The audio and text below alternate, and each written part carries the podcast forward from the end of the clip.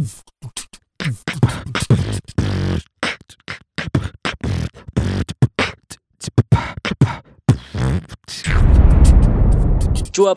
cuan.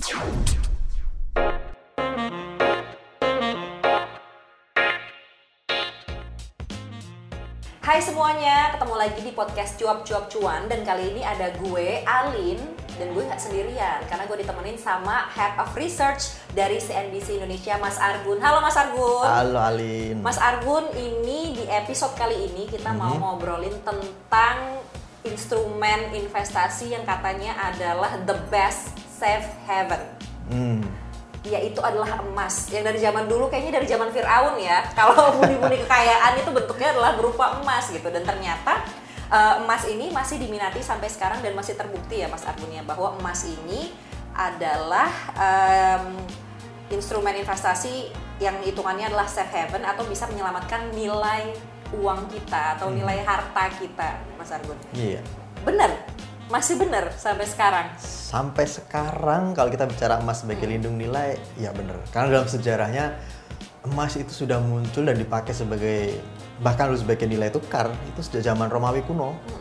Dan mereka orang Romawi pakai pakai apa namanya? Mereka menyebut mata uangnya sebagai denarius. Apa tuh? Satu denarius, dua denarius. Jadi kalau kita rupiah mereka denarius. Oh, i- iya. Nah, kalau di Arab kemudian dipakai dengan istilah Dinar. dinar. Nah, itu dia. Mata uang emas Arab itu berasal dari Romawi ya. Asalnya gitu Dan ya. itu dipakai untuk uh, melindungi nilai. Jadi ada istilah dulu zaman Nabi misalnya di hadis tuh. Mm-hmm. uh, kambing harganya saat itu berapa dinar. Kalau dihitung dengan hitungan sekarang harganya masih sama. Jadi sekitar 2 juta juga Oh, gitu. gitu. Itu menunjukkan bahwa memang emas Nilai itu emas itu memang bertahan. Iya, dia untuk dibandingkan dengan uh, komoditas lain untuk jual beli itu memang dia nilainya lebih stabil. Hmm, Jadi kalau kita bicara soal lindung nilai, ya emas masih yang paling unggul. Karena emas ini tidak terpengaruh sama inflasi, Mas katanya. Ya betul. Jadi inflasi ini kan terbentuk karena uh, pasokan barang dan supply uh, dinamikanya berubah. Jadi ketika pasokannya sedikit, uh, kemudian uh, permintaannya tinggi, ya otomatis harganya naik gitu. Nah ini bikin inflasi di situ. Dan di sisi lain juga ya kalau kalau sekarang kan nilai tukar kita kan uh, mata uangnya kertas ya, dan nilainya itu memang tidak ada underlying asetnya. Jadi itu sangat dipengaruhi dengan faktor perbedaan kurs dengan negara lain, naik turun, dan itu yang bikin inflasi juga uh, naik turunnya di situ. Nah ini makanya orang kemudian berpikir ya kalau saya mau nyimpen aset kekayaan saya ya mau tidak mau biasanya mereka tetap mencari emas gitu. Atau ya biasanya sekarang ada opsi lain misalnya dengan uh, membeli dolar Amerika Serikat karena kan di sana asumsinya falas ini dolar ini nilainya masih terjaga relatif lebih tinggi gitu. Gitu tapi eh, itu juga kadang-kadang kan apa namanya lebih fluktuatif falas ya Mas ya daripada emas gitu kan. Kalau emas lebih eh, terjaga gitu. Nah kan sekarang ini eh, emas tuh banyak banget. Kayak dari e-commerce aja tuh bisa kita kembaliannya ditukar pakai tabungan emas. Hmm. kayak gitu kan belinya. Ada juga beli kalau misal mau beli langsung ke Antam Ya. atau eh, beli banyak deh tabungan-tabungan emas gitu. Tapi kalau misalnya eh, mau investasi emas, apa dulu sih yang harus dilakukan, Mas? Oke, investasi emas. Jadi sebenarnya yang perlu disiapkan satu, niat. Kenapa? karena Niat. Karena harga emas tuh ya ya gimana ya dibilang mahal juga ya relatif. Tapi untuk orang kebanyakan menengah sebenarnya terjangkau lah.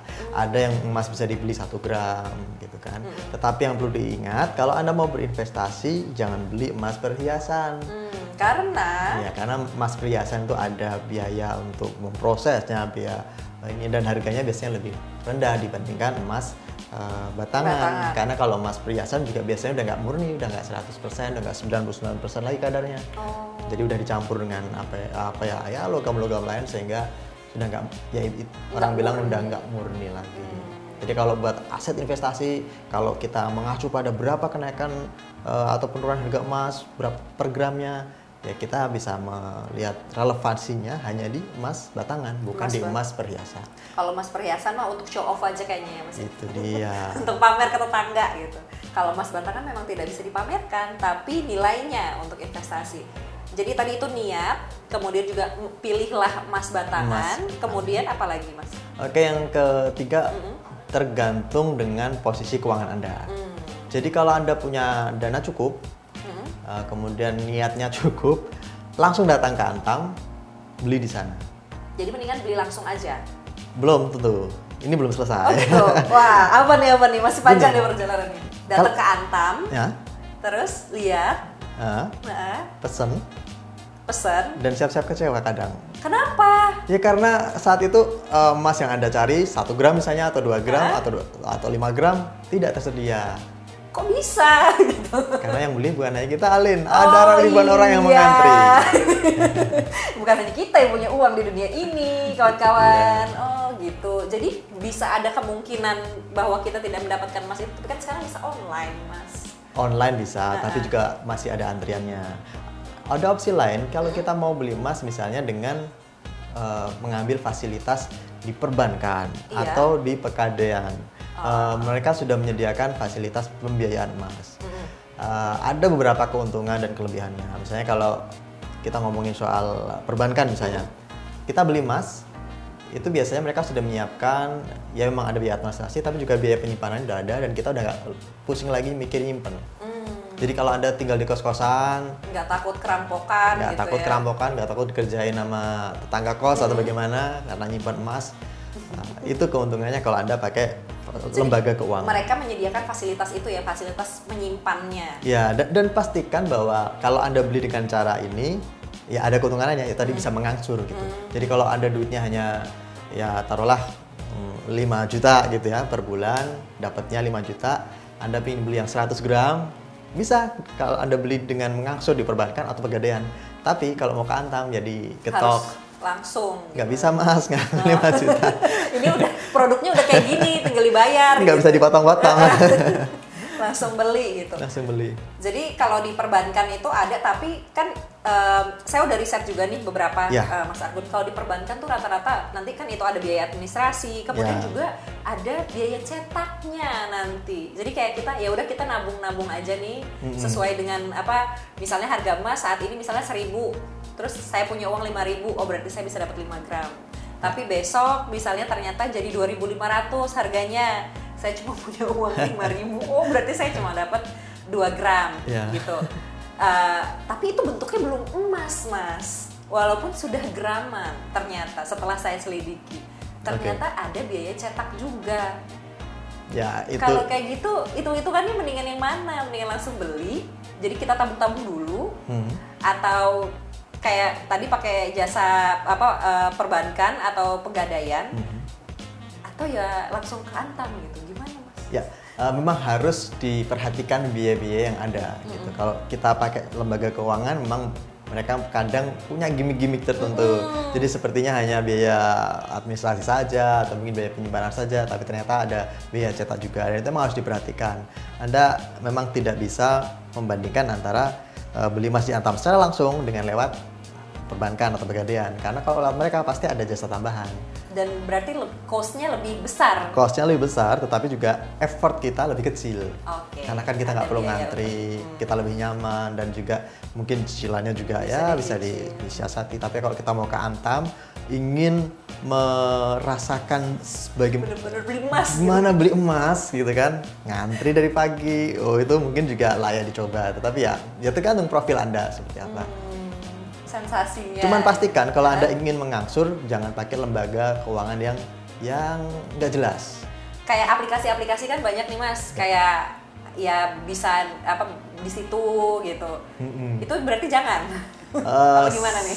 Menurut saya sebaiknya eh, dihindari dulu. Jadi Oh. pastikan yang sudah punya izin misalnya, pastikan kalau perbankan udah jelas, pegadaian udah jelas, BUMN. Eh, kalau lembaga-lembaga itu misalnya Anda mau pakai, eh, boleh silahkan mencoba, tetapi pastikan perizinannya jelas. Artinya Oh. dari OJK sudah ada eh, izinnya dan tidak eh, ini di- perlu untuk menghindari risiko-risiko di belakang. Karena ada nih misalnya sudah beli, udah lunas, tapi barangnya nggak dikirim Hmm, nggak cash and carry jadi emang mau ngangsur sama ke perbankan tapi ya itu barangnya ternyata setelah angsuran selesai nggak diberikan Oh. nah risiko ini yang biasanya harus diantisipasi ketika nanti kita investasi emas dengan aplikasi-aplikasi tersebut. Hmm, jadi itu juga ya yang harus kita perhatikan adalah di mana belinya gitu ya mas ya. Selain Iya. bentuknya tadi, kemudian juga mekanisme pembeliannya itu sebenarnya tergantung kita sih ya mas ya. Kalau misalnya kita sanggupnya kayak nyici- menyisihkan atau mencicil sebulan berapa,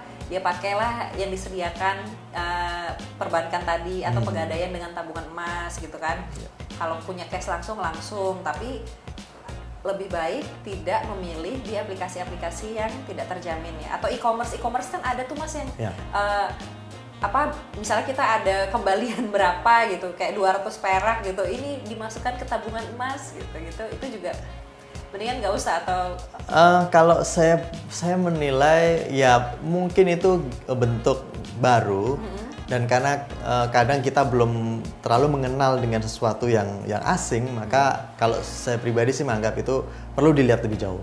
Jadi boleh boleh misalnya mau mencoba memakai itu tapi pastikan itu e-commerce yang terpercaya. Eh, kemudian juga memang dia punya izin yang jelas gitu. Karena kan ada kadang fintech-fintech yang bermunculan seperti Jamur di Indonesia ini kan ada ribuan fintech yang muncul. Nah, kalau mereka menawarkan jual beli emas dengan gimmick apa ya potongan harga ini itu ini itu jangan mudah tergiur, tapi lihat dulu satu perizinannya. Perizinannya ada nggak? Dan jangan percaya hanya pada scan surat saja. Pastikan di OJK mereka terdaftar nah, gitu. sih. Karena karena kalau scan kan kadang ya nah, orang bisa melakukan tipu-tipu tipu-tipu gitu. daya gitu kan. Nah kalau ke OJK daftarnya sudah ada. Kalau mereka udah jelas ada di situ dan itu memudahkan anda sesuai dengan profil uh, anda, ya kenapa tidak profil investasi anda? Silahkan saja.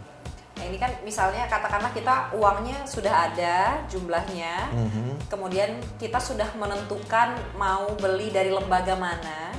Nah pertanyaan selanjutnya ada, adalah, misalnya saya punya uang untuk beli 25 gram emasnya. Mhm. Lebih baik saya beli 10, 10, 5 atau langsung satu batang tuh Oke, menarik. Ini menarik. tuh 25 gram langsung gitu. Ini mendingan yang mana nih Mas kalau misalnya untuk investasi? Oke, kalau anda ingin investasi dan jangka panjang, eh, menurut saya kita tetap perlu pakai eh, prinsip jangan taruh telur anda di satu keranjang. Ah. Ini kan prinsip investasi secara umum. Sama seperti di beli emas, jangan beli emas di satu jenis saja. Jangan hanya 10 gram atau yang 5 gram. Artinya, artinya gini, anda mungkin eh, kelihatan keren kalau punya, nih saya punya 50 gram, di- Satu, gitu, satu gede, di, eh. taruh di jidat, top deh kan, rasa gitu. Tapi ketika anda jual nanti, ya itu sekali jual, anda nggak bisa punya simpanan yang lain dalam bentuk emas. Ah, oke. Tapi kalau anda belinya misalnya dipecah dari 50 tadi dipecah menjadi 20, 20, 10 misalnya, ketika anda butuh uang yang ya butuh eh, nilainya cuman s- ya setara dengan 10 gram emas, jual aja yang Bisa 10 gram itu. 10-nya Iya, aja, yang gitu. 20 disimpan untuk ke depan kalau tiba-tiba nanti ada kebutuhan tambahan. Gitu. Atau misalnya nanti ya tiba-tiba eh, pingin apa namanya? eh, sekarang kan lagi tren tuh ya, orang menikah eh, eh, apa namanya? maharnya Maharnya emas emas batangan. ya, batangan 20 20 gitu kan tahun 2000 2020 ya bisa kan 20 22 kan jadi keren. Kalau 50 kan aduh terlalu mainstream. bagi-baginya gitu ya gitu ya mas karena memang kita harus eh, ketika pun kita berinvestasi kita harus eh, memikirkan atau mempersiapkan kebutuhan kita sehari-hari gitu ya mas ya Iya. karena investasi itu tujuannya memang untuk biaya hidup gak sih nanti ke depannya kalau misalnya punya 50 gram pajaknya juga gede ya gak sih mas Pajaknya ketika kita gede. menjual Tetapi kerugiannya ya memang karena kalau Hah? kadang kita jual yang kecil, Hah? ya ini memang apa keuntungannya hitungannya lebih kecil dibandingkan harga emas yang langsung blok besar gitu. Hmm. Oh karena ada biaya cetak juga per gram-gramnya, per dia. batangnya itu gitu ya mas ya. Selain itu apa lagi nih mas kalau yang harus diperhatikan eh, kalau kita mau investasi emas? Oke, kalau eh, emas memang saya pikir eh, ini kalau menurut saya eh, jangan kita taruh 100% dari aset investasi. Ingat as- aset investasi itu udah di luar ini ya apa namanya dana-dana Kebutuhan sehari-hari. Jadi misalnya Anda punya dana lebih 10 juta, jangan semuanya taruh di emas. Hmm. Tapi ya tadi eh, dipecah, jangan taruh satu telur se- seluruh telur di satu keranjang. keranjang. Jadi misalnya emas alokasinya menurut saya ya 50 sampai 60 persen, 40 persen untuk investasi. Kalau anda konservatif, jadi anda menilai ya saya dalam jangka panjang lebih uh, perlu dana, uh, lebih, uh, maksudnya perlu dana lebih besar ketika di jangka panjang bukan di jangka menengah. Ya itu konservatif namanya. Taruh 60 persen aset investasi di emas, sisanya di mungkin di saham, reksadana, di, ya atau surat berharga negara retail sekarang kan udah terjangkau. Tapi kalau anda uh, tipe investor yang wah saya nggak mau uh, nabung buat jangka panjang, saya paling butuh nanti misalnya buat kawin 10 uh, 10 tahun kelamaan Lima itu tahun dah. lagi. itu gini kan, kelamaan ya. 10 tahun kayak hmm, was-was ibu saya. iya udah disemprit nanti sama keluarga udah deadline oke yang saya lima tahun gitu Eh, ya sudah ke taruh lebih banyak di reksadana atau di saham. Karena biasanya lima tahun ketika kita ngomongin investasi saham itu sudah long term. Lima tahun sudah udah udah udah umum gitu. Ketika anda mau panen ibaratnya anda mau lepas itu harganya sudah berlipat-lipat biasanya.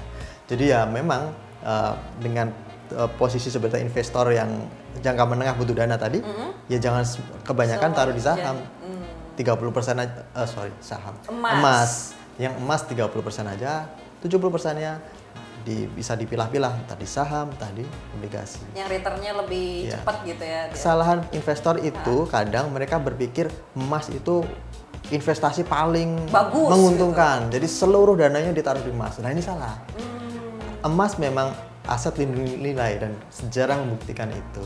Dia melindungi nilai kita dari gerusan inflasi, nilai uang kita. Eh, tetapi kalau kita bicara soal keuntungan, kalau kita bicara investasi kan kita bicara keuntungan.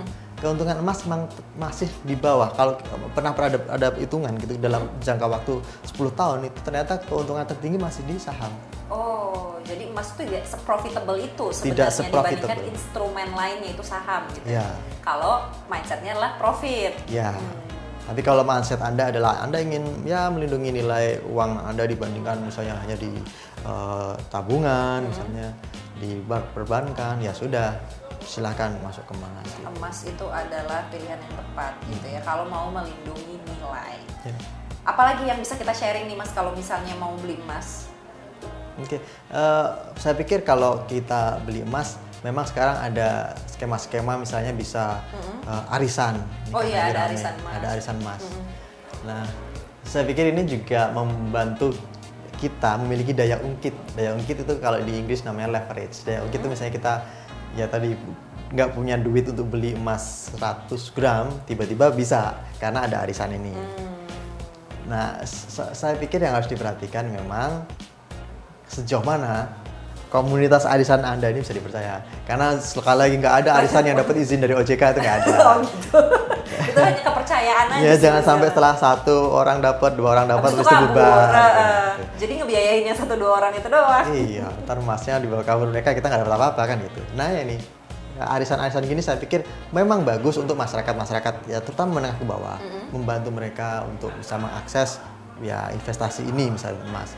Tapi yang perlu diperhatikan adalah ya sejauh mana komunitas ini bisa menjaga komitmennya. Harus ada yang yang bisa me- perjanjian hitam putih tetap harus ada. Misalnya siapa yang megang, siapa anggotanya, mereka harus punya komitmen bersama di atas materai bahwa mereka akan menyelesaikan. Nah ini kadang sering kali ya praktik seperti ini menjamur di, di masyarakat, tapi tidak ada jaminan hitam putih, hanya modal kepercayaan. Nah Jadi harus keamanannya juga dipastikan gitu ya Mas ya sebelum Iya. kita membeli emas. Oh, Mas ya Mas membeli emas Mas Mas. banyak mas-mas. Mas-mas gitu. Ya atau kalau misalnya nggak bisa beli emas dulu, investasi emas sekarang, kalau buat cewek-cewek mungkin mendekati mas-mas kaya. Itu adalah investasi jangka panjang juga ya Mas Argun ya. Paling singkat ya. shortcut gitu untuk menjadi kaya nggak usah nunggu 10 atau 15 tahun returnnya udah langsung Tapi jangan lupa, mas-mas tuh depresiasinya juga cepet. apanya Sekarang sekarang atletis, besok udah gembrol. Oh, iya. Lima tahun lagi, ya itu dia. Kalau emas, penurunan nilai lo- juga. penurunan nilai. Kalau logam mulia ini kan tetap berkilau. nilainya so, so- apa makin lama disimpan malah makin ini Iya. nilainya makin tinggi gitu nggak kayak mas mas Argun Ih jangan.